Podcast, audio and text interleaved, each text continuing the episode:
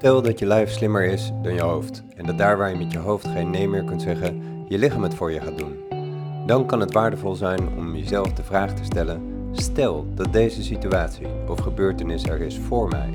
Wat wil het je dan eigenlijk vertellen? Wat mag jij veranderen in jouw leven zodat het weer goed en kloppend is voor jou? Zodat je vanuit die plek jouw kostbaarheid kunt gaan geven aan de wereld om jou heen. Mijn naam is Julian Galavasi, ook wel bekend als Dr. Julian. Ik begeleid mensen naar zich weer fysiek en mentaal fitter en gezonder te voelen. Deze aflevering gaat over vaderschap, moederschap en ouderschap. En mocht je geen kinderen hebben, dan nog is deze aflevering super waardevol, omdat het je inzichten zal geven als zoon of als dochter over je eigen ouders. En deel ik ook mijn eigen ervaringen in de uitdagende relatie met mijn vader, waar je geheid iets aan zult hebben.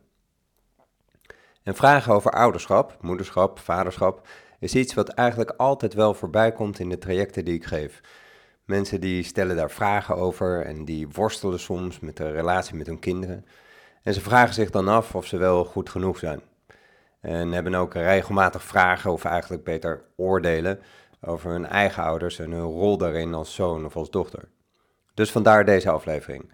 En ook niet in de laatste plaats vanuit mijn eigen ervaring als zoon met mijn vader. Een relatie die, ja, als je mij een beetje kent, op zijn zachtst gezegd, uitdagend is. Maar bij tijden ook kwetsend, eenzaam en eigenlijk ook wel droevig en verdrietig is. Ik denk dat ook jij daar veel van kunt leren. En in mijn eigen rol als vader, waarin ik gevallen ben en opgestaan ben en vooral ook tegen allerlei overtuigingen ben aangelopen. Overtuigingen over hoe ik vond dat ik me moest gedragen om een goede vader te zijn. Waarin ik daar nu op dit moment op een veel rustigere plek zit. En ja, wie weet heb je daar dus iets aan. Ik zal je heel even meenemen. Ik ben vader van vier kinderen samen met Simone, mijn huidige vrouw, waarvan er drie uit een eerder huwelijk zijn. Dat zijn Sam, Milen en Renske. Sam is inmiddels 21, Milen is bijna 19 en Renske is 16. En Mendel, 14 jaar, de zoon van Simone en haar eerdere partner, hij woont voor het grootste deel van de tijd bij ons thuis. En Sam, Milen en Renske komen uit een huwelijk wat eigenlijk vanaf het begin af aan al niet kloppend was. Waar we allebei gevangen waren in onze eigen angsten en ook ik in mijn eigen overtuigingen. Dat ik het vooral beter zou moeten doen dan mijn ouders. Ik weet nog heel goed, ik was een jaar of 19 en ik kende mijn ex nog maar net. Toen mijn zus aan mij vroeg, Weet je zeker dat je met deze vrouw de rest van je leven wil delen? En ik hoorde mezelf zeggen: Ja, dat weet ik zeker. Maar in mijn achterhoofd was er een stemmetje die zei van: Ja, maar daar ben ik helemaal niet zo zeker van. Ik kwam uit een gezin wat loszand was. Vier individuen, een vader, een moeder, een drie jaar oudere zus en ik. En er was weinig echte hechting. Er was eh, veel strijd. We deden heel veel dingen vooral alleen.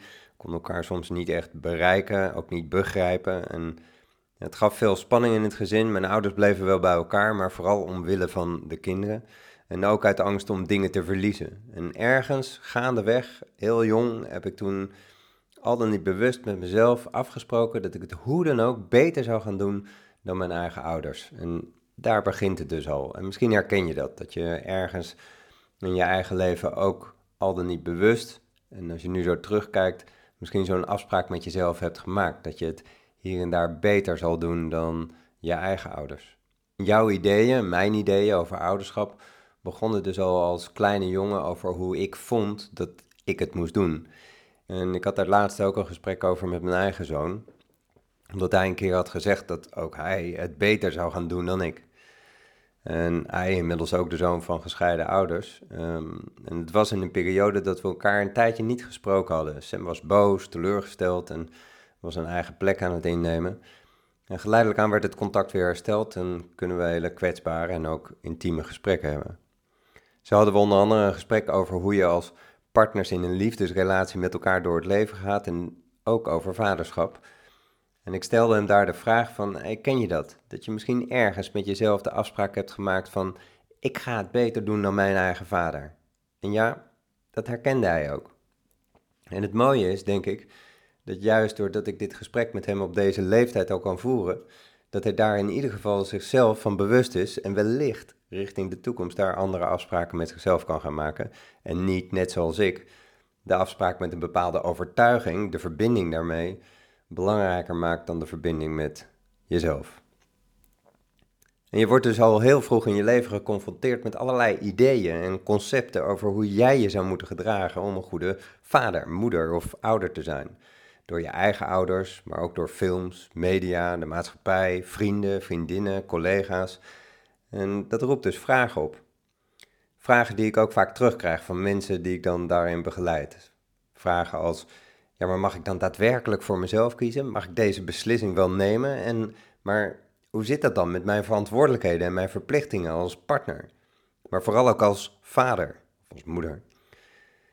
En destijds bij mezelf, met toen dus drie hele jonge kinderen van ongeveer 9, 7 en 5 jaar, dacht ik van, wow, mag ik, mag ik deze beslissing wel nemen? Mag ik, mag ik dit mijn kinderen wel aandoen? Kan ik dat überhaupt wel maken? En heel vaak wordt dan gezegd, ja, in mijn hoofd weet ik het wel, in mijn hoofd weet ik dat ik die beslissing mag nemen, maar in mijn lijf, mijn hart, mijn onderbuik, ja, daar is dan die twijfel. En ik denk dat het andersom is. In je lijf weet je dat het kan en dat het mag, maar je hoofd zaait twijfel. Die denkt daar anders over. En die is geconditioneerd met alle meningen, oordelen, gedachten, concepten over hoe je geleerd hebt en vervolgens ook voor waar hebt aangenomen van hoe jij vindt dat je je zou moeten gedragen om een goede vader, moeder of überhaupt een goede ouder te kunnen zijn. Maar realiseer je dat dit concepten zijn. Dat wil niet zeggen dat jij het ook zo moet doen. Jij mag jouw ouderschap helemaal invullen op de manier zoals die het beste bij jou past. En uiteindelijk is jouw belangrijkste rol als ouder dat je je kind de geborgenheid en de veiligheid geeft. De liefde, zoveel als dat binnen jouw vermogen ligt. Een dak boven het hoofd, dat het te eten en te drinken krijgt, dat het naar school kan, ja, misschien zelfs kan studeren. En ja, de rest, de rest is de kers op de taart. En daarin ben je als ouder in het merendeel van de gevallen meer dan geslaagd. Wanneer je geneigd bent om het langs een meetlat te gaan leggen van wat je allemaal wel of niet hebt gedaan, ja, dan zal de lijst aan dingen die je niet hebt gedaan altijd langer zijn dan de lijst aan de dingen die je wel hebt gedaan. Dus don't go there. Ga niet die boxring binnen, want die strijd ga je hoe dan ook verliezen. We mishandelen onze kinderen allemaal. Ik ken niemand die ongeschonden uit zijn of haar jeugd is gekomen. Wat overigens niet betekent dat je je eigen gedrag als ouder niet af en toe tegen het licht mag houden en bij mag sturen waar dat noodzakelijk is. Maar je maakt fouten en je neemt nu eenmaal verkeerde afslagen.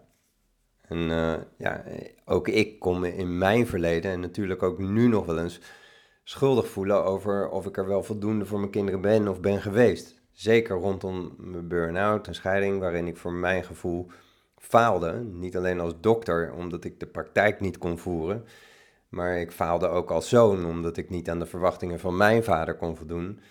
En ik faalde vervolgens ook, volgens mijn ideeën, als partner en als vader van mijn eigen kinderen.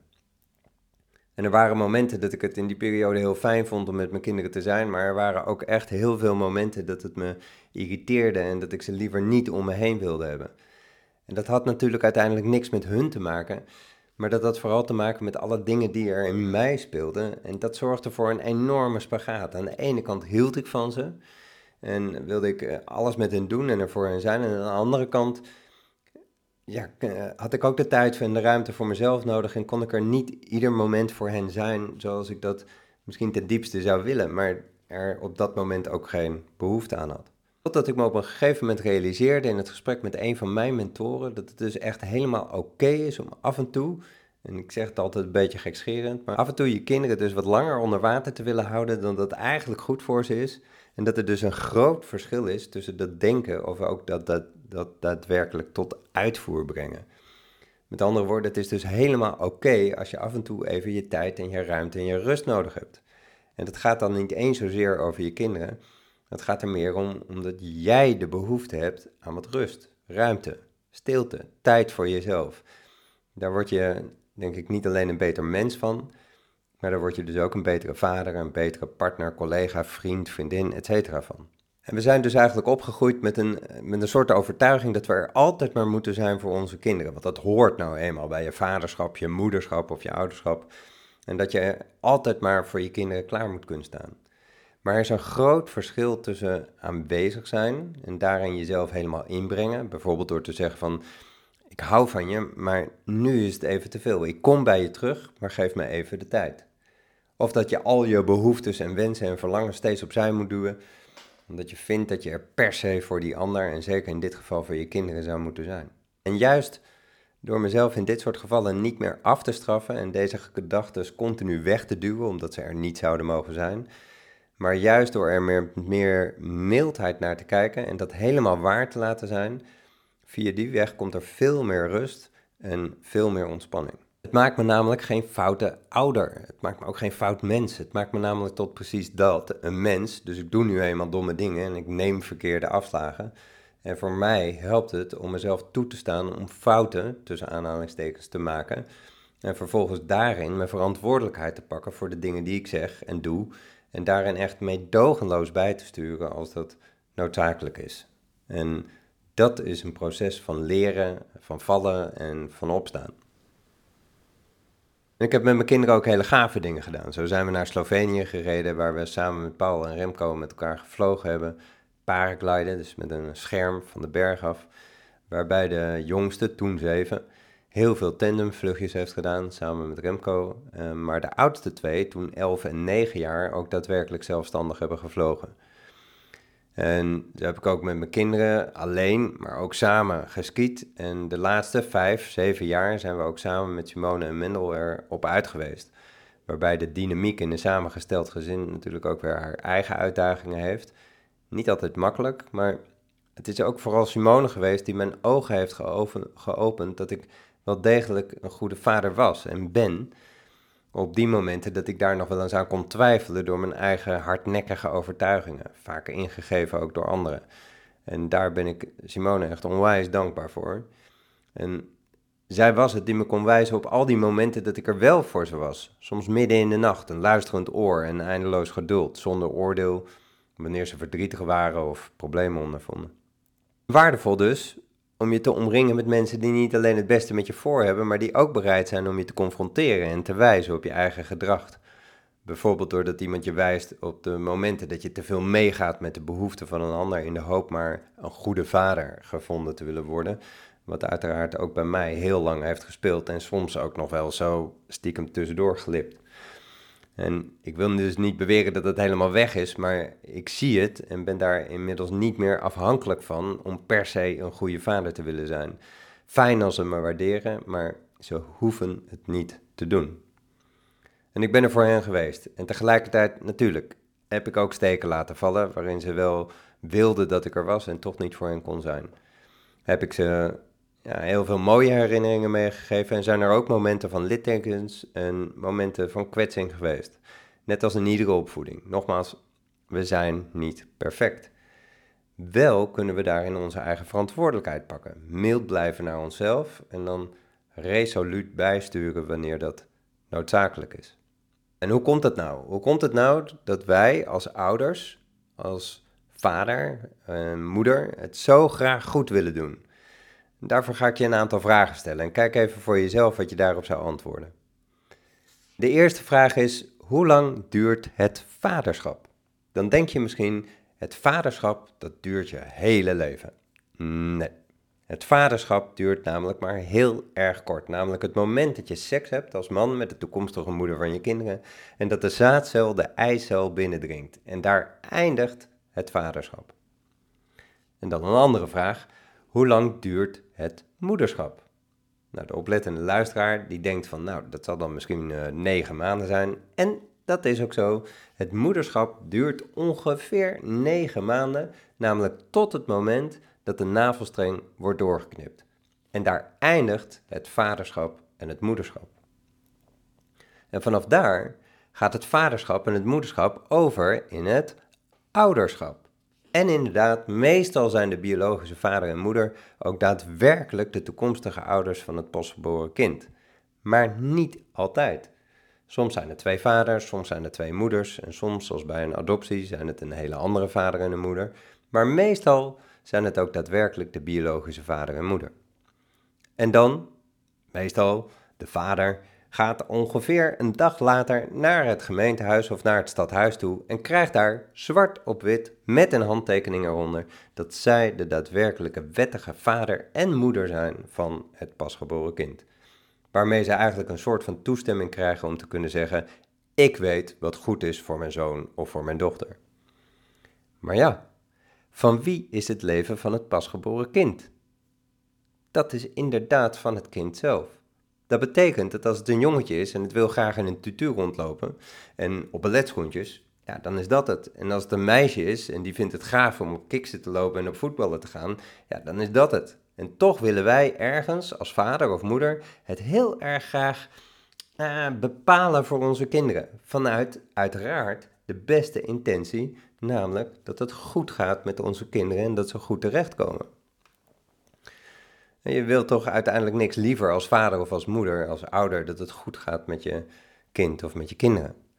Dat het letterlijk en figuurlijk goed in zijn of haar vel zit. En dat het zich redt in deze maatschappij. Maar er ligt nog een laag onder. Want als het goed gaat met je kinderen en ze redden zich daadwerkelijk in deze maatschappij en komen op een goede plek op de maatschappelijke ladder terecht, een goede baan, kunnen voor zichzelf zorgen, uh, krijgen misschien wel een goede partner en stichten een gezin en zijn gelukkig, voelen zich opnieuw letterlijk en figuurlijk goed in hun vel. Ja, hoe zou dat dan voelen voor jou als ouder, als vader of als moeder? En natuurlijk geeft dat dan uiteraard een goed gevoel. Je bent er geslaagd in jouw ouderlijke rol. En dan de andere kant. Stel dat je kind het niet redt in deze maatschappij. Dat het somber en depressief wordt, dat het afhaakt. Dat het eigenlijk aan de onderkant van de maatschappelijke ladder terechtkomt. En als we het heel groot maken, dat het misschien wel verslaafd is aan van alles en nog wat en ergens onder een brug in een doos terechtkomt. Hoe zou dat voelen als vader of als moeder? En dat zou waarschijnlijk voelen als falen. Dat je gefaald hebt in je vaderschap en in je moederschap. En dat je daar enorm verdrietig en onzeker van wordt. En dit is de reden dat we heel graag willen dat het goed gaat met onze kinderen. Natuurlijk ook omdat we graag zien dat ze gelukkig zijn, maar de laag eronder is dat als zij gelukkig zijn en zij redden het in deze maatschappij, dat wij dan als ouders kunnen ontspannen en zeggen: hé, hey, ik ben geslaagd in mijn vaderschap of mijn moederschap, ik heb het goed gedaan. En daarmee verplichten we onze kinderen eigenlijk om per se gelukkig te moeten zijn. En naar mijn mening is dat een plicht die niet bij onze kinderen thuis hoort. Die belasting die hoort niet op hun schouders. Dat als zij gelukkig zijn, dan kunnen wij als ouders rusten en ontspannen en hebben we het als ouder goed gedaan. Die verantwoordelijkheid, die hebben we zelf te nemen. Wij hebben onszelf te erkennen in onze rol als vader of als moeder en dat niet te eisen van onze kinderen. Andersom overigens ook niet. We hebben ook niet de eisen van onze vader of onze moeder dat zij ons als kind, als zoon of als dochter per se moeten erkennen en waarderen. Ook dat is jouw eigen verantwoordelijkheid. Het mooie is dan dat je het eigenlijk niet fout kunt doen. Als ik kijk naar de relatie met mijn vader, en die is op een bepaald niveau in ieder geval droevig te noemen, maar juist doordat hij is wie hij is, kon ik uiteindelijk mijn eigen plek innemen. Hij is daarmee dus mijn grootste leermeester in dit leven geworden. Alleen in een totaal andere verpakking dan dat we het allebei gehoopt en gewenst hadden. Mijn vader is er op heel veel momenten ook absoluut voor mij geweest. En op dieptepunten en op hoogtepunten, maar op enkele cruciale momenten is hij er ook niet geweest. En voor degenen die mij al wat langer kennen, die weten het verhaal rondom de praktijk en lezen anders het boek van Jij bent de liefde, daar staat het uitgebreid in beschreven. Maar de korte versie, hij kon mijn beslissingen in de praktijk, die oorspronkelijk van hem was en die ik had overgenomen, niet echt waarderen. En op het moment dat ik zijn support eigenlijk het meeste nodig had, werd hij verscheurd tussen aan de ene kant zijn vaderschap richting zijn zoon, mij dus, ik dus in dit geval, en aan de andere kant de loyaliteit naar zijn patiënten en zijn identiteit als huisarts. En hij koos uiteindelijk voor het laatste. En dat was pijnlijk, maar tegelijkertijd ook een groot cadeau. Want het was het moment dat ik zag dat ik hem eigenlijk had te ontslaan van de plicht om mij per se te moeten erkennen en waarderen als zoon en als mens. En dat ik me realiseerde dit is mijn eigen taak. Want anders ga ik mijn hele leven zitten wachten op de erkenning en de waardering van mijn vader. Die misschien ooit een keer gaat komen, maar misschien ook niet. En ondertussen zit ik in de bekende wachtkamer van mijn eigen leven en dat wil ik niet meer. Dus ik heb hier mijn eigen verantwoordelijkheid te nemen. En hoewel dat verdrietig en bij tijd en wijle verschrikkelijk eenzaam voelde, voelde het tegelijkertijd ook als een enorme bevrijding. Dit was namelijk de realiteit en ook daarin had ik uiteindelijk vast grond onder de voeten en merkte ik dat ik ook prima verder kon zonder de waardering van mijn vader. En dat gaf, en geeft me tot op de dag van vandaag, een heel vrij en krachtig gevoel. Later, nadat we twee jaar niet of nauwelijks contact hadden gehad, toen stond ik op het punt om met Simone te gaan trouwen. En dat zouden we gaan doen op Cyprus, waarbij we dat het liefste wilden delen met, de, met een groep hele hechte mensen die er voor ons echt toe deden. En je voelt hem al aankomen, toen kwam de vraag natuurlijk bij me op, ga ik mijn vader daar nou bij uitnodigen, ja of nee? En mijn eerste reactie was, no way. Waarom niet? Ja, ik wil die dag delen met die mensen die er voor mij in die zin echt toe deden. Dat ik het gevoel had dat ze mij supporten, stimuleren en motiveren en dat ze echt het beste met mij voor hebben. En dat voelde ik op dat moment niet bij mijn vader.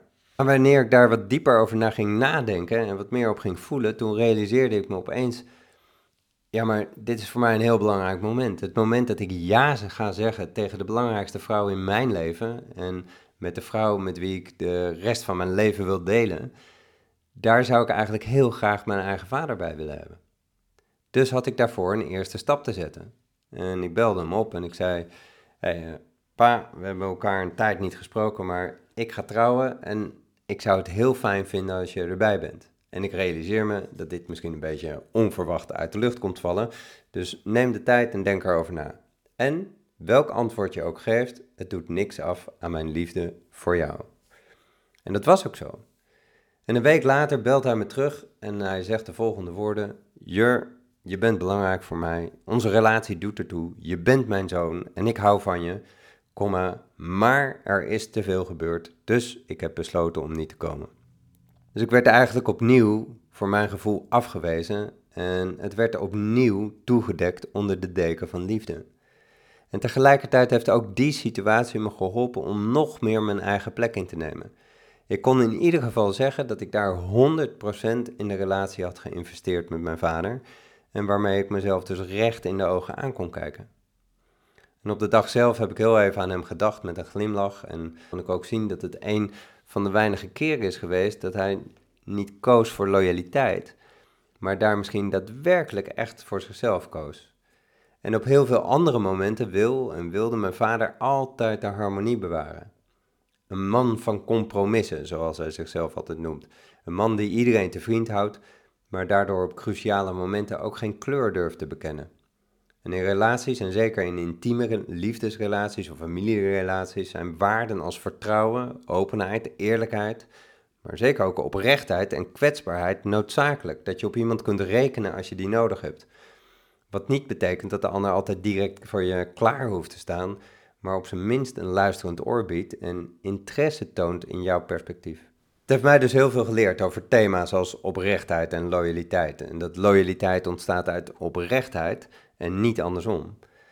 Dat het dus altijd maar loyaal willen zijn en altijd de harmonie willen behouden of altijd maar willen kiezen voor compromissen, dat dat op sommige momenten echt giftig en destructief kan zijn in relaties.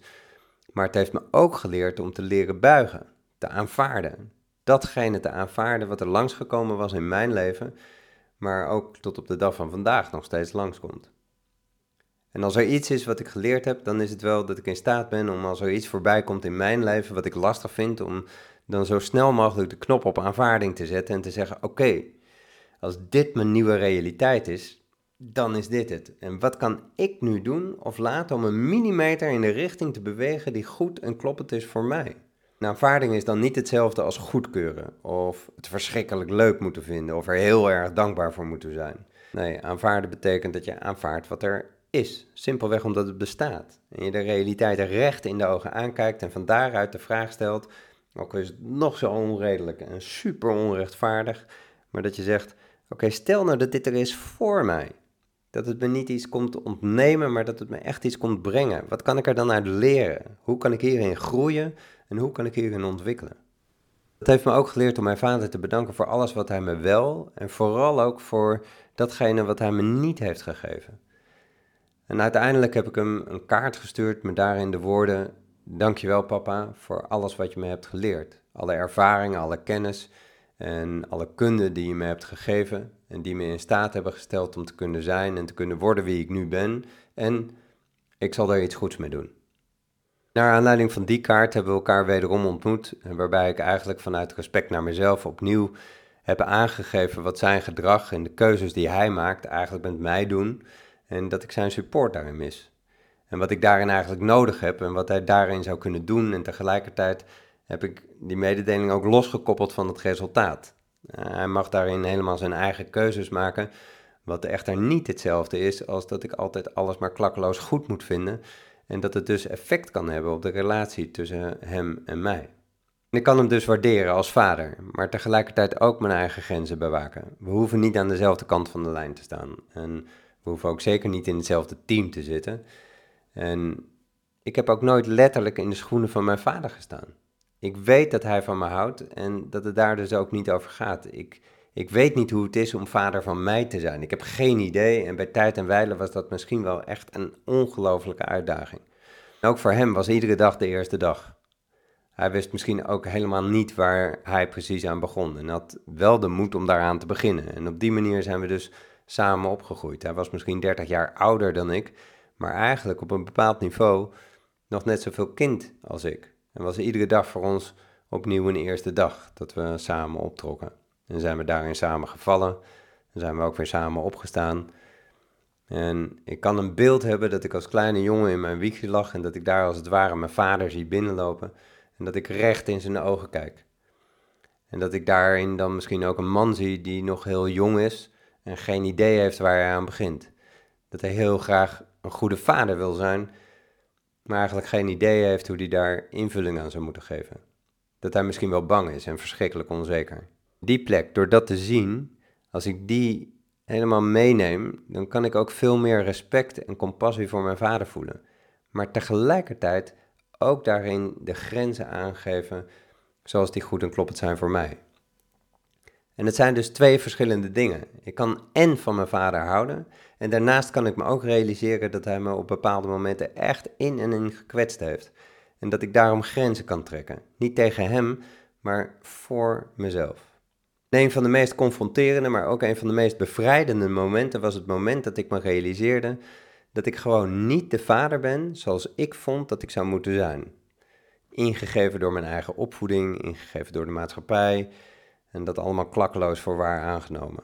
Over hoe ik vond dat ik me moest gedragen als een ideale vader. Namelijk een vader die altijd een engelengeduld heeft, continu klaar staat voor zijn kinderen en bereid is om altijd een spelletje te doen. Altijd overal mee naartoe te gaan, naar welke sportwedstrijd ook. Of naar school en altijd een soort van beste vriend is van zijn kinderen. Ik had dus als het ware, zo zie ik dat dan altijd voor me, een soort avatar gecreëerd van de ideale vader, van hoe ik vond dat ik me zou moeten gedragen om de perfecte vader te zijn.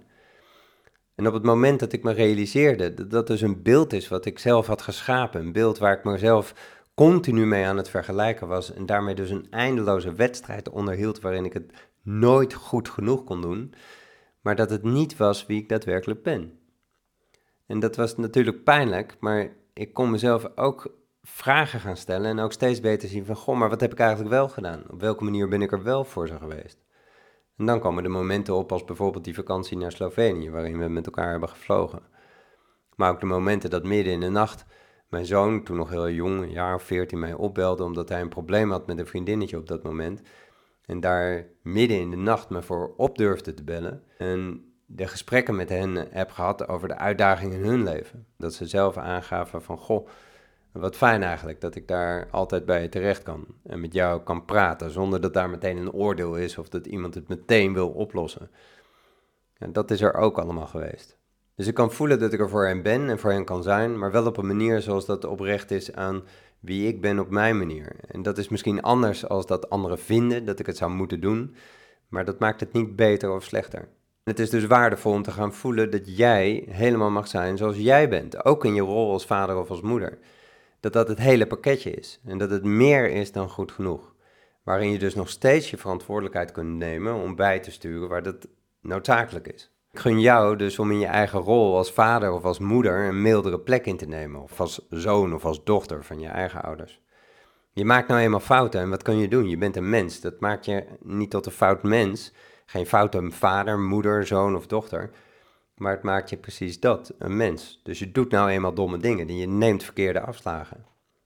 Denk aan die boxring. De lijst aan dingen die je allemaal niet hebt gedaan zal altijd langer zijn dan de lijst aan dingen die je wel hebt gedaan. Dus ga die boxring niet binnen. Die strijd ga je hoe dan ook verliezen. Maar je hebt daarin wel je eigen verantwoordelijkheid te pakken en bij te sturen. Daarin niet je eigen ouders of je eigen opvoeding of je eigen kinderen verantwoordelijk te houden voor jouw emoties en voor jouw reacties en hoe jij je voelt. Dat is echt jouw eigen verantwoordelijkheid en datzelfde geldt ook voor jouw rol als zoon of als dochter. Dat je daar je eigen plek in leert nemen. Waar zat jij als kind überhaupt vroeger op te wachten? Als jij vroeger een super onterecht cijfer had gekregen van de juf of de meester, of je had ruzie met een vriendje of een vriendinnetje, en je kwam vervolgens boos, gefrustreerd of heel verdrietig thuis, waar zat je dan op te wachten? Zat je erop te wachten dat je vader of je moeder dan naar je toe kwam en met allerlei goed bedoelde tips en adviezen aan kwam zetten? Dat je toch vooral wat beter je best had moeten doen? Of je wel wat liever had kunnen gedragen? Of had je het liefst gehad dat hij of zij even naast je kwam zitten op de bank en de arm om je heen sloeg en zei van jeetje, ik zie dat je boos en verdrietig bent. Hoe is het eigenlijk voor je om zo boos en verdrietig te zijn? Waarschijnlijk had je vooral behoefte aan het laatste. Zo simpel en tegelijkertijd zo niet eenvoudig. Alleen maar aanwezig zijn. En kijk dan hoe je met jezelf omgaat als je zelf boos of verdrietig bent. Of als je kinderen het misschien ongemakkelijk hebben. En hoe snel we dan schieten in de oplossingsmodus om zo snel mogelijk iets te willen fixen, terwijl wat we eigenlijk nodig hebben is gewoon een stukje aandacht. Een stukje liefde, een luisterend oor. Zo simpel en zo niet eenvoudig. En dat je van daaruit dus ook een plek in kunt nemen vanuit je ouderschap. Dat je kunt zeggen van ja, dit is het hele pakketje. Het is meer dan goed genoeg. Waarin je nog steeds kunt kijken wat je kunt doen om te veranderen. Om bij te sturen waarin je je verantwoordelijkheid kunt nemen. De verbinding met mijn kinderen groeit. Ik kan steeds meer mijn eigen plek innemen. Samen met Simone leren we daar allebei in onze rol als ouder, als partner en als kind van onze eigen ouders. En ik kan er steeds meer zijn voor ze, op mijn eigen manier. Ze hoeven dat niet altijd leuk te vinden en het kan soms heel erg pijnlijk zijn als mijn kinderen mijn goede intentie niet zien. Pijnlijk natuurlijk, maar wel eerlijk, open, kwetsbaar en oprecht. En tegelijkertijd geeft die pijn ook aan hoe super waardevol die verbinding is. Ik wil je bedanken voor het luisteren van deze aflevering over vaderschap, moederschap, over ouderschap. Ik hoop dat je iets aan hebt gehad. En mocht je daar nog meer van willen leren, neem contact op. Kijk op de site wat we daarin voor je kunnen betekenen. Weet je in ieder geval welkom. Ik wens je voor nu een hele mooie dag of misschien avond wanneer je dit ook luistert. En zorg heel goed voor jezelf. Dankjewel.